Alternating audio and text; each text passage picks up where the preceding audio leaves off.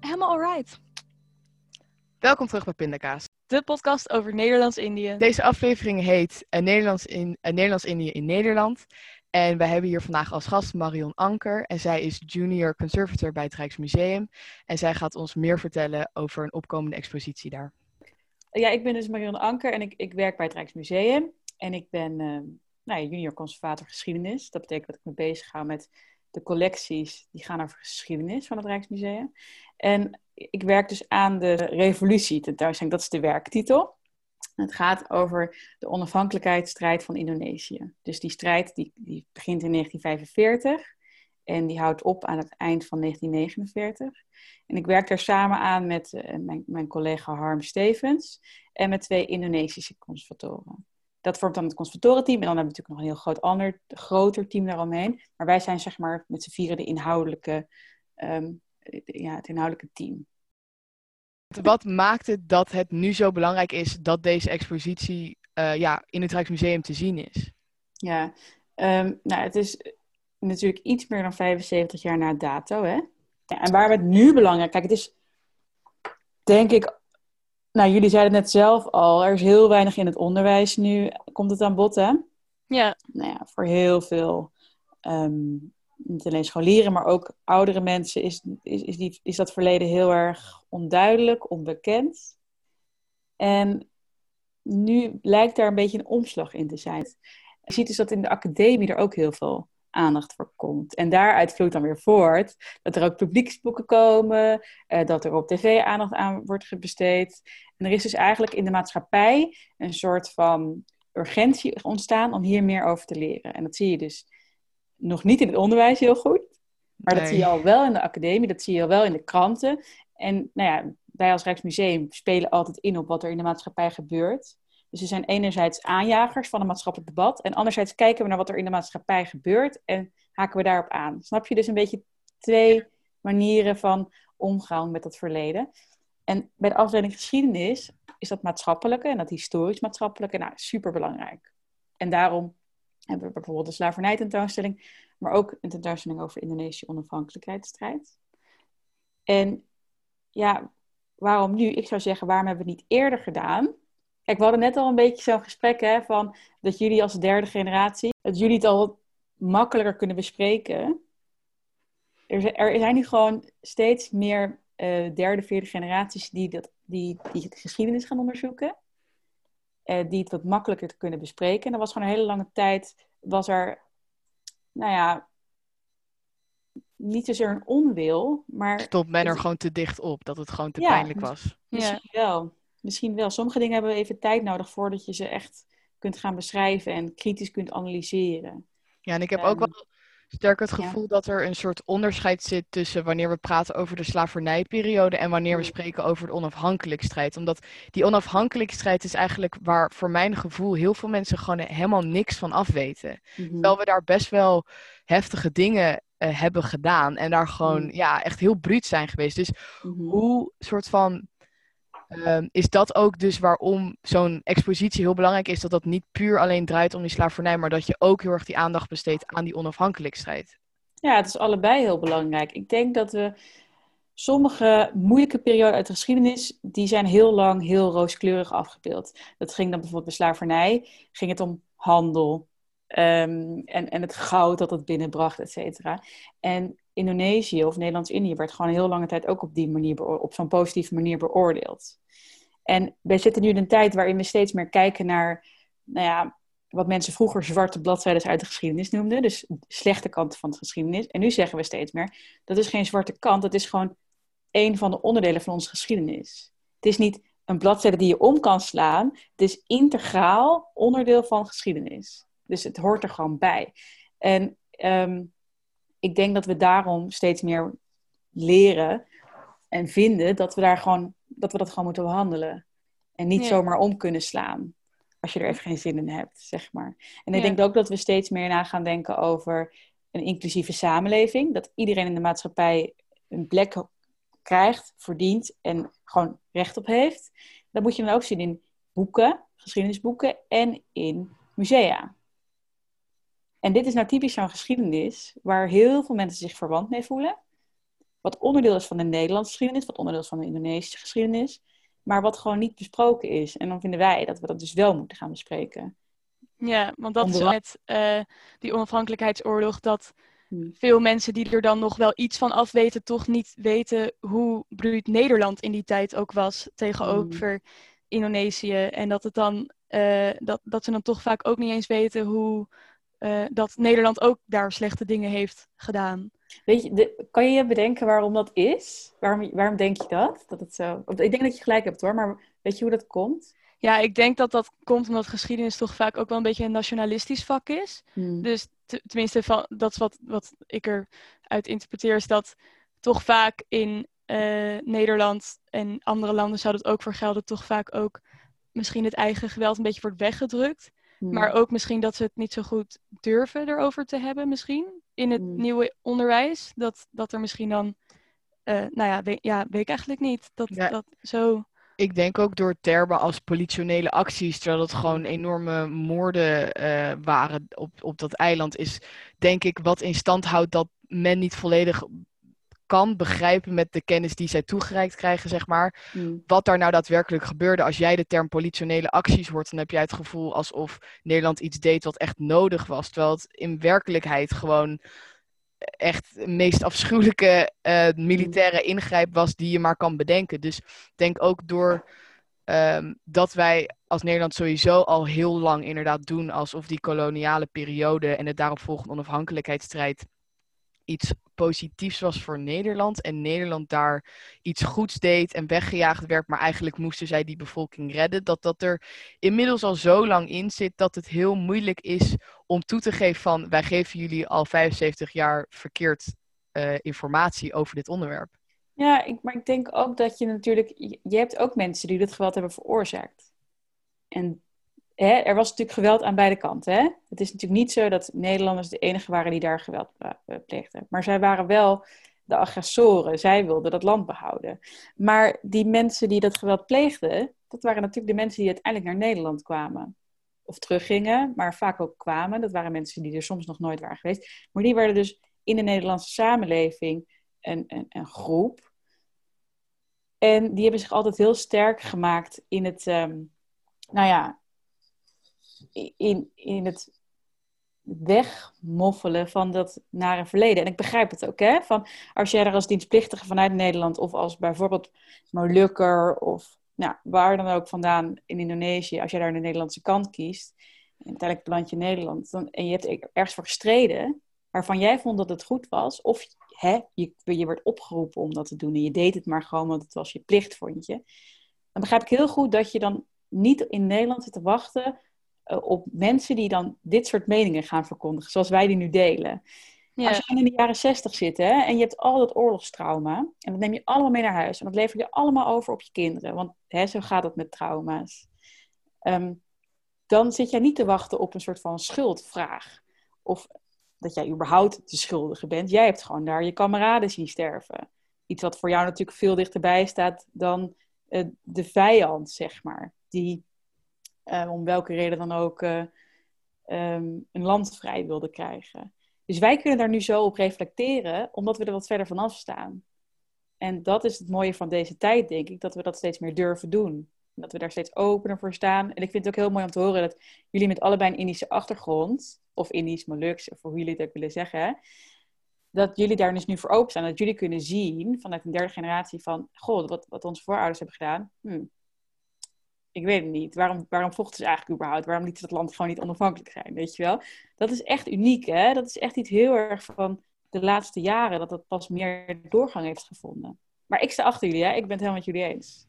Ja, nee, dat merk je inderdaad. Tenminste, ik heb dat ook dan wel gemerkt in bijvoorbeeld de documentaire serie eh, Onze Jongens op Java. Mhm. Dat die eh, militairen dat ook nog steeds heel lastig vinden om over te praten. Precies. En ja. ook zeggen van bij eigenlijk alles dat het ze echt gelijk weer heel emotioneel maakt. Maar dat ik het dus wel heel mooi vind om te zien dat ze daar dan nu toch eindelijk Mhm. wel over gaan praten. Mhm. En ja, daar daar word ik wel heel blij van om dan toch te zien dat ze dat ook met ons willen delen. Ja, nee, dat is echt absoluut heel prachtig. En dan zie je ook dat, men, dat sommige van die militairen, hè, die kunnen nu zeggen van, nou, dat was eigenlijk best wel naar wat we deden. En anderen zien dat nog helemaal niet. En die zien dat veel meer als nou, een strijd die gewoon gevoerd werd. Uh, Nederland was vrij en dus moest, uh, moest Indonesië, of in Nederland-Indië ook vrij worden. Twisten vrij van, Japanse, ja, van de Japanners en later van die rare nationalisten. Sommigen hebben dat nog steeds, dat idee. En anderen zie je dus daar heel anders op, ga, op ingaan. Ja, want hoe ga je dan op zo'n moment om met dit soort traumagevoeligheden? Want ik neem mm. aan dat revolutie ook bedoeld is voor mensen die het ook inderdaad echt van dichtbij hebben meegemaakt. Mm. Ja, zeker. Hoe je dan omgaat met dat je inderdaad mensen in hun waarde laat en mm. Ehm, inderdaad hen niet een slecht gevoel geeft over wat daar gebeurd is. Ja, dat is natuurlijk een super ingewikkelde vraag. Hè? Want enerzijds er zijn eigenlijk meerdere punten, denk ik. Enerzijds wil je zoveel mogelijk perspectief laten zien. Je wil laten zien dat het geen strijd was van een land tegen een ander land, maar dat er heel veel verschillende moeilijkheden, gewoon heel veel diversiteit in zit. Dus het is niet Nederland tegen Indonesië, maar het is Nederlander, Nederland met, nou ja, bijvoorbeeld Molukkers die meestrijden aan de Nederlandse kant. Andere Indonesiërs die meestaan aan de Nederlandse kant. Maar er zijn ook Nederlanders die kiezen voor de Indonesiërs dat soort dingen wil je eigenlijk laten zien. Dat, dat er heel veel perspectieven eigenlijk op die strijd zijn. Dat is één, één kant. Maar je kan dus nooit alle kanten belichten. Dus er zullen altijd mensen zijn die zeggen: ja, maar zo, zo heb ik het niet ervaren. Of zo heeft mijn vader heeft niet een van die perspectieven ingenomen. Ik noem maar wat, hè. Dus je zult altijd teleurstellen. Dat is denk ik wel, ja, dat is denk ik heel erg lastig. En je hebt ook nog, en dat is misschien een even moeilijk probleem. Je wil natuurlijk het leed en het verdriet dat heel veel mensen hebben gehad, wil je recht doen. Of je wil in ieder geval niet dat verdriet of dat leed bagatelliseren. Je wil eigenlijk zorgen dat je zoveel mogelijk verschillend, nou, verschillende perspectieven weer van dat leed laat zien. Want je hebt bijvoorbeeld heel grote groepen Nederlanders, maar ook bijvoorbeeld Chinezen en andere Europeanen of Indo-Europeanen die er zaten, die, die hebben de Bersiab meegemaakt. Dus, uh, staat in Nederland heel erg bekend als een grote moordpartij. Vooral in de jaren nou, 1945, 1946, waarin heel veel Nederlanders, Chinezen, heel veel kanten die de Indonesiërs dus niet um, aan, aan de tegenstand van Indonesiërs die dan daar de dood hebben gevonden dat wil je enerzijds laten zien, maar je wil natuurlijk ook weer niet zeggen van dat het een, of, een leed is dat alleen maar groepen die tegen Indonesiërs streden hebben gehad. Want er zijn ook heel erg veel Indonesiërs vermoord. Snap je? Dus enerzijds probeer je dus heel veel perspectieven in zo'n tentoonstelling te vatten. Anderzijds probeer je dat, je probeert dat leed en dat verdriet ergens recht aan te doen. En tegelijkertijd moet je, probeer je ook nog een logisch verhaal te maken, hè? dat iedereen begrijpt. Nou, ga er maar aan staan. Want jullie weten toch hoe ingewikkeld die geschiedenis is. Hè? Het is maar vijf jaar, vier, vijf jaar. Maar het is super ingewikkeld. Nou ja, en als je dan ook nog eens eigenlijk wil zorgen dat iedereen zich gehoord voelt, want dat wil je gewoon heel graag op museum natuurlijk, en dat hoop ik dat jullie dat ook willen in elk stuk dat je schrijft, dat je mensen recht aandoet, en dat je het verleden recht aandoet. In het verleden doe je recht aan door de mensen recht aan te doen die dat hebben meegemaakt. Nou ja, dat is gewoon, dat is keuzes maken en dat zijn nou ja, en, en, en weten dat je niet iedereen tevreden kan houden. Ja, dat gebeurt gewoon. Hoe goed je er ook over nadenkt. Maar wij proberen natuurlijk wel heel veel mensen te spreken die dit verleden hebben, hebben gehad. Hè? Dus dat we zoveel mogelijk perspectieven verzamelen, dat we dat niet zelf invullen. Want wie ben ik om te bepalen welk perspectief belangrijk is? Ja, dus jullie hebben een soort mm. comité samengesteld van Indische mensen en inderdaad hun perspectief hierop naar geluisterd. Wat moet je daarbij voorstellen? Nou, we hebben sowieso twee Indonesische conservatoren. Ja, mhm. die, die, staan, nou, die kijken heel anders op dit verleden. Ehm, dat is eigenlijk het allerbelangrijkste, is dat we met een Nederlands en Indonesisch team werken. En verder proberen we inderdaad zoveel mogelijk Indische Nederlanders ook uh, erbij te uh, betrekken. Door inderdaad onze voorstellen voor te leggen. Soms heel informeel te spreken van, goh, wat vind jij hier nou eigenlijk van? En soms wat juist wat formeler te spreken. Uh, door juist echt voorstellen te laten zien. Nee, dat, dat vind ik inderdaad wel heel mooi. Inderdaad, omdat het, ik merk ook nu dat wij hier nu mee bezig zijn dat het echt lastig is soms om te zorgen inderdaad dat je mm. dat allemaal kan belichten. En ja, het is toch heel mooi dat dat dan toch zo in zo'n vorm kan.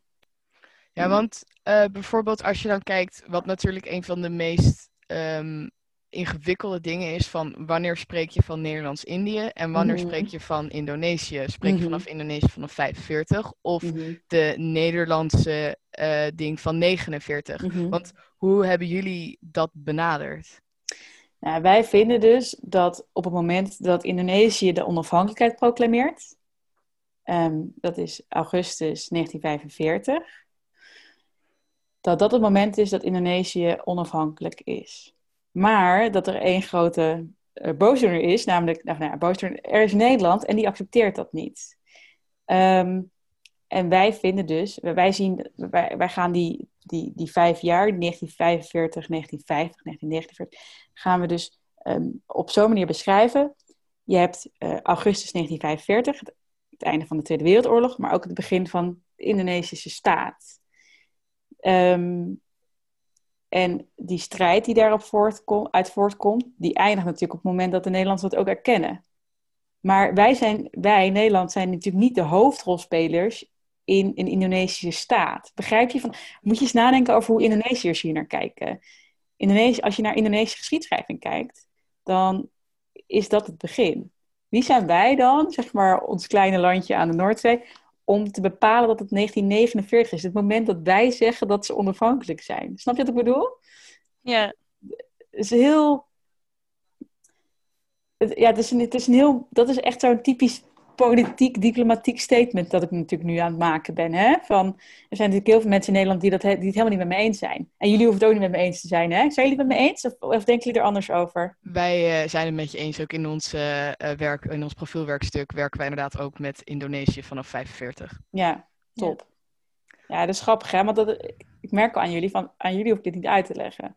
Maar iemand uh, van nou, 50 jaar ouder dan jullie dan kan je dit natuurlijk wel, ook niet met iedereen. Hè? Sommigen denken, vinden dat ook, maar dat is een heel andere discussie. En ik merk dat ik onder jullie leeftijdsgenoten nooit, dat dit nooit een vraag is überhaupt.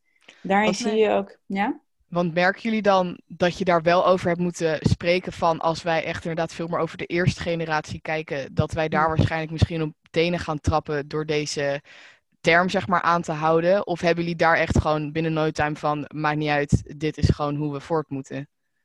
Ja, je hebt natuurlijk nog steeds veteranen. Ja. En dat is natuurlijk een heel grote groep die zich ook heel erg gemengd in het publieke debat. En nou ja, nogmaals, ik, ik, snap heel goed wat zij zeggen en waarom ze het zeggen. En ik denk ook dat er heel veel voor te zeggen valt, zeg maar. Maar er zullen gewoon altijd mensen zijn die het niet met ons eens zijn. Maar wij zijn er wel van overtuigd dat we het zo gaan doen. Ja. En natuurlijk, hè, genuanceerd en uitleggend. En uh, wij hebben ook niet de waarheid in pacht. Het is niet zo dat het Rijksmuseum vindt dat wij het enige juiste woord hebben. Dat is natuurlijk ook van, we gaan er niet vanuit dat mensen, ehm, we gaan ervan uit dat mensen ook een andere mening hebben. Nou, dat is prima. En dan gaan wij gewoon een mooie tentoonstelling maken, uh, waarin we het uitleggen hoe ons standpunt zit. En dan mag je daar iets van vinden en dan mag je er ook op reageren. En daar moet allemaal ruimte voor zijn om zeg maar juist een dialoog aan te gaan hierover. Ja, en ook hoe, uh, hoe, want dat is natuurlijk omdat andere mensen uh, ook natuurlijk verschillende meningen hebben over welke historische gebeurtenissen binnen die tijd belangrijk zijn. Hoe gaan jullie daarmee om? Welke gebeurtenissen kiezen jullie dan daarvan uit om groter uit te lichten? Ja, dat is echt een supergoede vraag. Want dat is precies wat geschiedenis ingewikkeld maakt. Want je denkt oppervlakkig natuurlijk dat het geschiedenis bestaat uit feiten. Je kunt jaartallen opnoemen, je kunt er een datum aan koppelen en dan heb je een geschiedenis. Maar geschiedenis is interpretatie. Ik vind het echt goed dat jullie dat zeggen, want dat is echt iets wat ik tijdens mijn studie echt goed heb leren begrijpen. Je, geschiedenis is interpretatie en alles wat je neerzet is gekleurd. Geeft misschien niet een mening, maar wel in ieder geval een interpretatie en perspectief aan. Nou, en dat is dus super ingewikkeld inderdaad om hier iets juist voor te doen. Want je wil nogmaals, hè, iedereen, je wil de geschiedenis waar, of de geschiedenis recht aan doen, maar je wil ook daarin alle mensen recht aan doen. Uh, we spraken hier met Marion over de inhoud van de expositie. Alleen daar kunnen we natuurlijk nog niet te veel over vertellen, want dan spoilen we voor wanneer jullie zelf gaan kijken. Het is heel erg moeilijk om te zorgen dat je een juist historisch verhaal vertelt hierin. Ja. Dat je mensen overslaat, dat je alles recht, uh, recht doet. Ik ben dan wel benieuwd hoe jullie het Rijksmuseum zien. Als wat voor museum zien jullie dat? Ja, ik had het dus eigenlijk nou, misschien omdat ik het, misschien dat ik het Rijks daar ook wel te slecht voor ken. Mm. Maar ik had het niet per se bij het Rijks geplaatst. Maar dat, nou, nogmaals, ik. Waarom is dat dan? Ja, omdat ik het inderdaad, om, ik denk ook omdat je dan dus vanuit school ook inderdaad leert dat daar, mm. tenminste, uh, ja, voor mij, dat is misschien dan ook inderdaad een vooroordeel over het Rijks, uh, hoor je over grote schilderijen van grote mm. Nederlandse uh, kunstenaars die daar hangen. Mm-hmm. En ik vind het dus eigenlijk wel heel mooi om te horen dat dit daar komt. Mm-hmm. Maar ik wist dus helemaal niet dat dat inderdaad zo zat. Dat het Rijks dat soort dingen ook deed. Ja, nou ja, kijk, het Rijksmuseum is het museum voor Nederlandse kunst en geschiedenis. Dus die kunst, nou, dat is duidelijk, hè? Um, maar ook geschiedenis. En wij, wij zijn dus eigenlijk het instituut dat de nationale geschiedenis zou moeten vertellen. En ondertussen zijn we dus het museum, ja, het liefst voor iedereen. Maar als je voor iedereen wil zijn, als je voor alle Nederlanders wil zijn, dan moet je ook zorgen dat alle Nederlanders zich herkend voelen in het museum. En ja, ik persoonlijk voel me bijvoorbeeld niet herkend in een, ehm, in een nachtwacht. Dan denk ik niet, hier zie ik iets van mezelf in terug. Ik weet niet hoe jullie dat ervaren. Ja, hetzelfde. Ja. ja. Nou, ik heb het al wel iets meer, bijvoorbeeld als ik um, vrouwelijke schilders zie.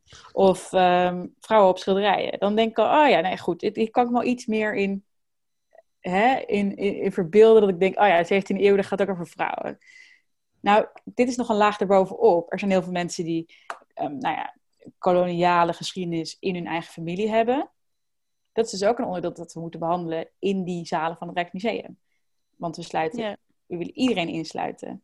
We willen iedereen mee laten doen aan die, aan die geschiedenis. En ik, ik denk ook dat het een verantwoordelijkheid is die je draagt doordat je... We hebben natuurlijk niet mm. alleen Nederlands-Indië gekoloniseerd. Mhm. Weet je, je hebt ook uh, Suriname bijvoorbeeld. En ik mhm. denk ook dat het jouw verantwoordelijkheid is wanneer jij dus een land koloniseert. Vervolgens komen een groep van die landen komen naar Nederland. Dat mhm. het belangrijk is om hen te erkennen en hun geschiedenis...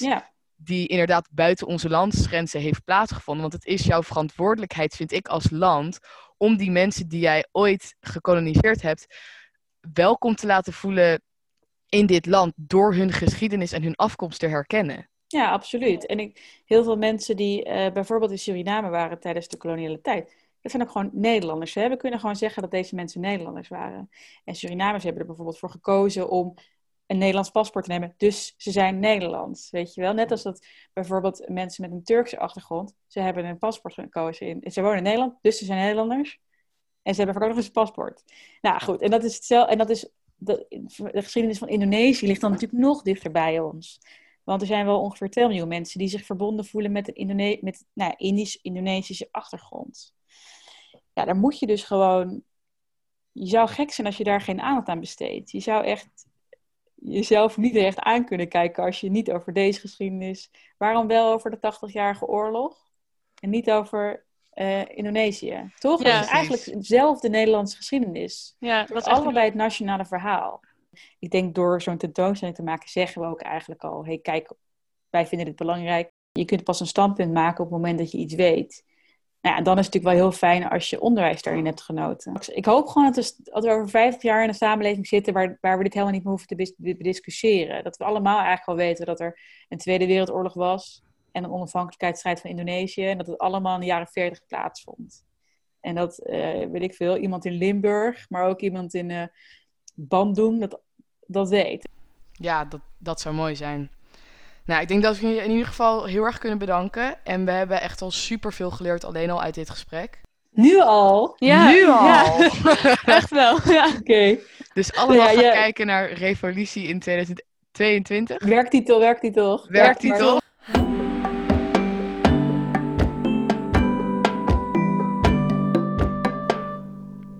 Onze volgende gast is Sanfu Malta. Hij is filmproducent, hoofdredacteur van het tijdschrift Pinda en initiatiefnemer van Omroep Persama. Over de omroep zullen we het nog uitvoerig hebben deze aflevering. Sanfu is geboren in Rotterdam. Zijn moeder is Chinees-Indonesisch en komt van Java. Zijn vader is Nederlands en daardoor heeft hij ook een Nederlandse opvoeding gehad. Toen hij naar Indonesië ging, had hij een nieuw gevoel van thuisvoelen. Sanfu is getrouwd met een Indische vrouw en via haar en zijn schoonmoeder is hij weer op een hele nieuwe manier met zijn Indische achtergrond in contact gekomen. Net als Sanfu vinden wij het belangrijk dat men in contact blijft staan met hun Indische afkomst. Daarom is de omroep zo belangrijk. We gaan het nu hebben over de invulling van de omroep. De bedoeling is dat het programma's zijn die, waarbij wij mensen aan het uh, woord laten, maar dat we eigenlijk elke keer op een zeg maar, moderne manier iets laten zien over uh, een stuk cultuur en geschiedenis van een groep mensen die, ongeveer, die meer dan 10% van Nederland uitmaken en die relatief onbekend is. Terwijl het toch eigenlijk onderdeel is van het, het gehele Nederlandse erfgoed. En hoe we dat maken, het is denk ik heel verschillend. Op uh, radio zal het anders zijn, op televisie zal het anders zijn en op internet zal het anders zijn. We willen dingen uh, maken die op dit moment nog niet worden uitgezonden. Maar dat hoeft niet te betekenen dat de, de vorm of uh, de wijze van het programma compleet anders is. Het gaat erom dat de inhoud van een andere ik zal je een voorbeeld geven. Als wij een kookprogramma zouden doen, dan zouden wij bijvoorbeeld een kookprogramma doen, zoals jullie weten, zijn oma's altijd uh, vaak heel, vrij, heel goed in het koken van dingen. En onze oma is altijd de beste kok van de familie. En, um, maar als je vraag vraagt van wat de recepten zijn, dan kan ze dat eigenlijk niet vertellen. Want die recepten zitten allemaal in haar, in haar hoofd. En dat betekent ook dat ze, omdat koken, in welke groep je op praat binnen de Nederlandse gemeenschap, koken doe je op gevoel. Dat betekent dat je het ruikt en dat je het zelfs proeft en dat je het mengsel maakt zoals jij, uh, ja, terwijl je aan het koken bent. Dat betekent dat vaak deze recepten dreigen verloren te gaan. Dus wat is er leuker als een kookprogramma waarbij jongeren, kleinkinderen, hm. tegen elkaar het opnemen met de recepten van hun oma. Waarbij we dan niet alleen uh, iets gaan vertellen over uh, uh, die recepten, maar natuurlijk ook over de achtergrond van de mensen die meedoen en waar ze vandaan komen. En wat het gerecht zo speciaal maakt. En een stuk we proberen dus eigenlijk overal een stuk cultuur en een stuk geschiedenis in mee te nemen. Het, moet niet een, een, een, een of andere omroep gaan worden waarin wij over alle zieligheden en trauma's gaan vertellen, maar wel met respect voor wat er is gebeurd en kennis. En dat is belangrijk. Ook al omdat gewoon het bekend is dat zeg maar tra uh, transmigratie überhaupt al tra trauma's met zich meebrengt. Hoe mensen dat hebben ervaren, dat kan zijn dat ze dat nooit hebben over verteld. Maar het is wel zo dat, um, dat ze dat overdragen op, op de derde, de tweede, de derde en de vierde generatie. Wat wij toen wij Pinda uitbrachten, wel heel, wat heel grappig was, is uh, dat met name uh, um, hoorden we dat eigenlijk het een middel werd is geworden, zodat de eerste generatie met zover die nog in leven was, met de derde generatie ging praten. Meer dan wat ze naar de tweede generatie hebben gedaan. Want als jij zegt, ja, ze praten niet veel, ja, oma. Ja, uh, uh, het is zo dat uh, de eerste generatie met name niet tegen de tweede generatie sprak. Het grappige is wel dat als ze nog leven, dan is het juist nu de kans om wel met ze te gaan praten. Dus, en dan vaak zijn middelen zoals de, de, de pinda een, een mooi middel om dat te kunnen. En daarom zou het ook mooi zijn om een omroep te zijn, omroep er is, die programma's uitzendt. Want die programma's kunnen de reden zijn om met je oma of opa te praten en te zeggen van hoe was het toen vroeger en uh, et cetera. Omdat het dan toch makkelijker wordt. Begrijp je? Ze praten eigenlijk eh, beter, makkelijker met de derde en de vierde generatie dan met de tweede generatie, hun eigen kinderen. En, en het, is, uh, heel belangrijk wat jullie doen. En omdat dat uh, uiteindelijk kan een omroep alleen maar de Ehm, de, ehm, de, aanzet geven tot uiteindelijk het echte werk zal moeten gebeuren door mensen zelf. En het zal een reden moeten zijn voor mensen om daarmee in gesprek te raken. En die, kennis ook nog meer over te dragen die er is, die ervaringen. Want uh, um, het is belangrijk dat je weet uh, wat er gebeurd is. en omdat dat belangrijk is om te begrijpen waarom ze zijn geworden wat ze zijn geworden. En ook om een soort, soort van, denk ik, respect naar die generatie toe. Want kan je je voorstellen dat, dat jij met jouw, ja, met een één hutkoffer aan bezittingen uit een land wat zo, wat zo ver hier vandaan is, hier naartoe komt. Je niet, eigenlijk niet welkom bent. En je, je, al je papieren niks meer waard zijn. Uh, al je diploma's niks meer waard zijn. En dat je eigenlijk alle hebben en houden, behalve die hutkoffer, hebt moeten achterlaten. En dan in een land moet gaan wonen wat je niet kent. Wat je kent uit de verhalen. Maar waar ze wel dezelfde taal spreken maar die jou niet noodzakelijkerwijs als een van de Nederlanders beschouwt. Hoe belangrijk is die balans tussen soort van de culturele kant, maar wel ondertussen ook mensen uh, onderwijzen over de geschiedenis, waar heel veel mensen gewoon niet genoeg van af weten?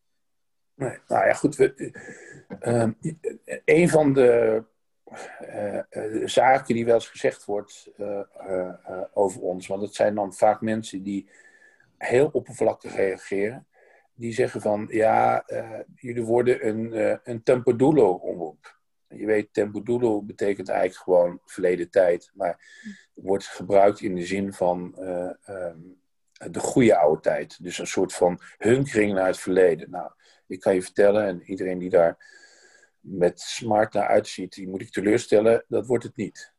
Het, is, het geschiedenis is heel belangrijk. En die geschiedenis die gaan we ook vertellen. En die geschiedenis die zal verteld worden uh, in, zeg maar, in probeer, dat probeer te verwerken in zeg maar, elk stukje wat we doen. Ik bedoel, bij wijze van spreken, wat ons heel leuk lijkt, is om jongeren en, en ouderen met elkaar te, te combineren. Dus geen programma's maken met alleen maar ouderen, maar ook met jongeren. Of jongeren te laten zien waar ze vandaan komen. En dat op een, manier van dat ze het zelf ontdekken. Dus niet dat we het vertellen, maar dat ze het zelf ontdekken. En dus alles gaat vanuit eigenlijk een connectie ook met nu, maar wel met een stuk wat er gebeurd is in het verleden. En, eh, en, en daar die ook zorgen dat het inclusief is. Dus dat betekent dat je niet alleen maar vertelt over Javanen, of over Indo's, of over Molukkers, of over dus mensen die daar dan vandaan komen. Hè. En hebben jullie, uh, uh, als jullie iemand tegenkomen die ook uit diezelfde achtergrond heeft, heb je dan al heel snel een gevoel van uh, dat je iets, gemeenschap, iets gemeenschappelijks hebt. Iets wat je eigenlijk niet hoeft uit te spreken, maar waarbij je wel op een of andere manier thuis voelt? Of hebben jullie dat niet? Robin en ik hebben dat heel erg met elkaar. Maar het, je merkt, er zijn er gewoon in onze omgeving eigenlijk niet zo heel veel. Um, en die er zijn, weten er, net als wij, eigenlijk voor dit uh, project niet zoveel van af. Bij Afra en mij was dat soort van Afra heel erg uit haar opvoeding, soort van echt de cultuur heel erg heeft meegekregen. En ik vanuit mijn moeder veel meer de geschiedenis heb meegekregen. En dat we allebei wel bij bepaalde uh, dingen wel gewoon echt wel raakvlakken hadden die bij anderen gewoon niet had. En um, dat wij toch wel um, bijvoorbeeld bij geschiedenislessen, dat wij elkaar gewoon aankeken tijdens de les. En dat we echt zaten van, dat we niet eens hoefden te zeggen hoe belachelijk we het vonden dat dit gewoon totaal iets overvloog. Maar zeiden jullie, maar zeiden jullie het, of niet? Nou we, keken, nou, we keken elkaar eerst gewoon aan tijdens die les, zaten echt met van die ogen naar elkaar te rollen van, oh mijn god. Ja. En toen had ik mijn vinger opgestoken en aan mijn docent gevraagd van... gaan we nog meer over Nederlands-Indië horen of hoe zit het, weet je wel? En toen daarna, toen hebben we het erover gehad dat we een PWS uh, eh, wilden doen. Dus toen om een soort van het PWS te maken. Maar we hoefden niet aan elkaar uit te leggen hoe bizar we die situatie vonden. Maar hoe, hoe bizar vinden jullie die situatie? Te bizar. Dan denk ik van, ik zit hier in een geschiedenisles en ik voel mij gewoon... Ik voel mijzelf niet eens erkend. Terwijl er 2 miljoen mensen met hetzelfde verhaal hier rondlopen. Uh, en, uh, uh, maar denk je dat het ooit gaat veranderen? Ik hoop het. Jullie weten wat Bersama betekent? Samen. Samen. We hadden het ook wel over de naam gehad. En we vonden het een hele mooie naam, omdat wij ook merken dat samen zijn een, een heel terugkerend thema is, continu wanneer je het hebt over het Indisch zijn. Ik denk dat dat ons ook brengt naar onze volgende vraag, namelijk hoe wil je dat verwerken in de omroep en hoe wil je überhaupt, wat is het doel van de omroep? Het grootste doel is om de cultuur, het erfgoed uh, en de geschiedenis te behouden, verdiepen en, uh, en dat het doorgegeven wordt. Uh, en dat is eigenlijk voornamelijk de, aan twee groepen zijn daar belangrijk. Eén aan de derde, vierde generatie. Want die moeten het stokje weer doorgeven daarna. Maar daarnaast ook aan de rest van Nederland.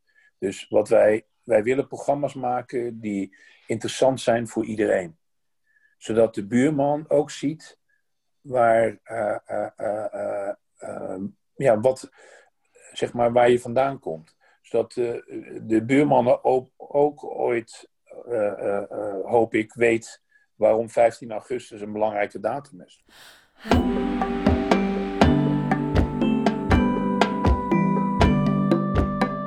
Bij deze zou ik graag oproep uh, willen doen aan niet alleen aan jullie, maar iedereen die dit luistert, dat, dit, dat ze lid worden. En dat ook de derde en de vierde generatie lid wordt. Want misschien zijn je ouders al wel lid, maar we hebben jullie nodig.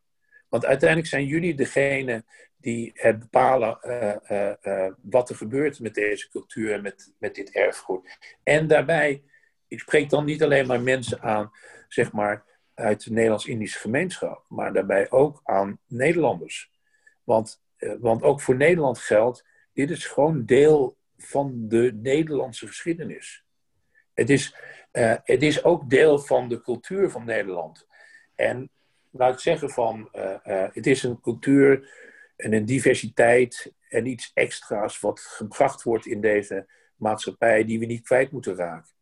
En daarom is het belangrijk uh, dat dit gebeurt. En iedere, ieder kleinkind die, uh, uh, die een oma of een opa heeft uit de Nederlands-Indische gemeenschap. En maakt niet uit of het Papua's zijn, of dat het uit Timor komen, of dat het blande items zijn, of Pranakan Chinezen, Indo's, Molukkers, Totoks. Iedereen wordt lid. En ik vind het echt, echt prachtig wat jullie doen. Ja, dankjewel Sonfu. Terima kassie voor het luisteren.